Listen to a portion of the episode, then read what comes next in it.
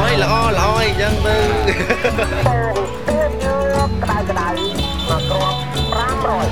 Het is ochtend in het avondland.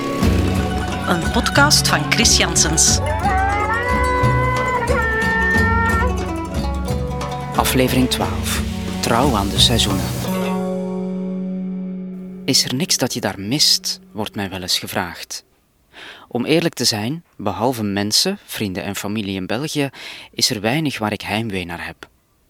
Of toch, de seizoenen. En dan bedoel ik niet de lange koude winter of de typische Belgische voorjaarsbuien, maar het geheel. Dat er vier seizoenen zijn die elkaar afwisselen. Van de herfstkleuren over kerstmis tot de dagen die langer worden. Elk seizoen heeft zijn bijzonderheden om naar uit te kijken. Hier heb je er twee: een nat en een droog. Maar behalve de neerslag is er weinig verschil. Bomen verliezen nooit hun bladeren en het hele jaar door is het licht van 6 uur s morgens tot 6 uur s avonds. Al zijn de dagen in de winter een tikje korter. In december kan de ochtendtemperatuur op sommige plaatsen uitzonderlijk zakken tot een graad of 20. De Cambodjanen hebben het dan officieel koud en er verschijnen dikke jassen in het straatbeeld. Echt skivesten en duffelcoats, meestal in de wintermode van een paar decennia geleden. Ik heb geen idee waar die kledij de andere elf maanden en twee weken van het jaar bewaard wordt. En toch hebben die twee Cambodjaanse seizoenen elk een eigen charme. Op het einde van de droge periode is het heel heet en worden de wegen erg stoffig. Dan snak je naar die eerste tropische stortbui ergens in april of mei. Tot een stuk in het najaar krijg je te maken met ondergelopen straten, lekkende daken en zandwegen die veranderen in een modderpoel. Je went eraan. En er moet al veel gebeuren voor de Cambodjanen hun dagelijkse gewoonte loslaten of indijken omwille van het water. Nu de regen stilaan stopt, begint ook het huwelijksseizoen opnieuw. Trouwen gebeurt in een grote tent, die wordt opgezet op een braakliggend terrein of in het midden van de straat waar de familie woont.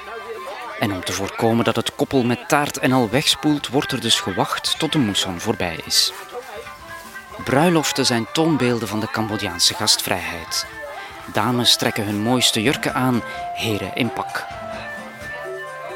Het bruidspaar huurt verschillende outfits en moet zich tijdens het feest regelmatig omkleden, tot alle kostuums minstens één keer aan de gasten getoond zijn.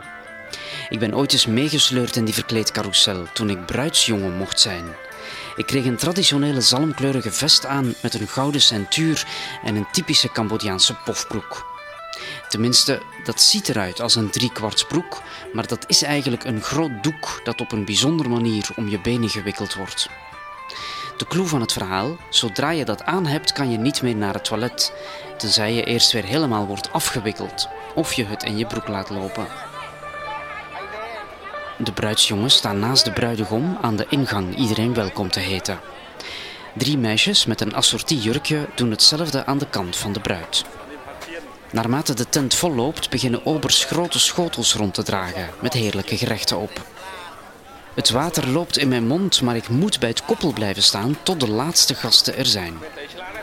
Na verloop van tijd worden er al tafels afgeruimd en ik begin mij stilaan af te vragen of er wel iets overblijft voor mij als ik eindelijk van mijn ceremoniële taak ontzegd word.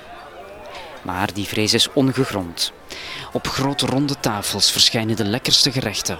Hele kippen en vissen, schalen boordevol rijst, noedels en groenten, maar ook kommen met ingewanden van de koe of het varken, want ze laten geen vlees verloren gaan. Dankzij een draaiend plateau kan je je favoriete schotel aan jouw kant van de tafel krijgen om je bord vol te scheppen. Ondertussen maken de DJ en het liveorkest zich klaar voor het dansfeest. Muziek- en lichtinstallatie, ventilatoren en lampen en grote en kleine luchtkoelers verbruiken veel te veel stroom voor het zwakke netwerk op het platteland. Daarom staat er ook een dieselgenerator waar grote zwarte walmen uit opstijgen. Het ding maakt ook ontzettend veel lawaai. Daarom zijn de muzikanten verplicht om het volume van de geluidsinstallatie loeihard te zetten, zodat ze boven het geronk van de motor kunnen uitkomen.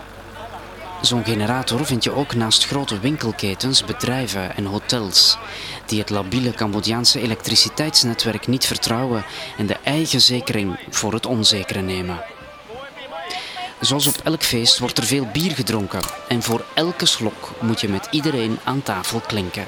telkens en telkens opnieuw. Mooi, zeg je dan, en dat verwijst naar het geluid van twee glazen die tegen elkaar tikken.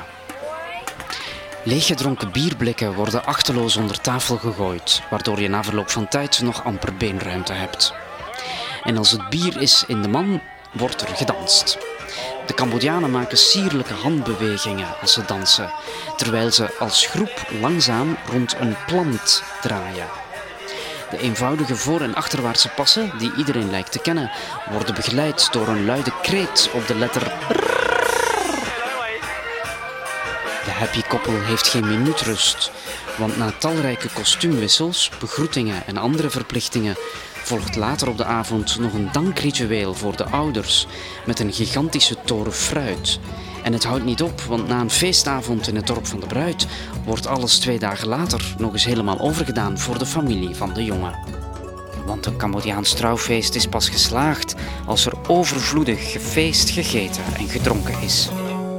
Vind je deze podcast leuk? Abonneer je dan via Spotify en klik op de bel om elke woensdag een bericht te krijgen als er een nieuwe aflevering online komt.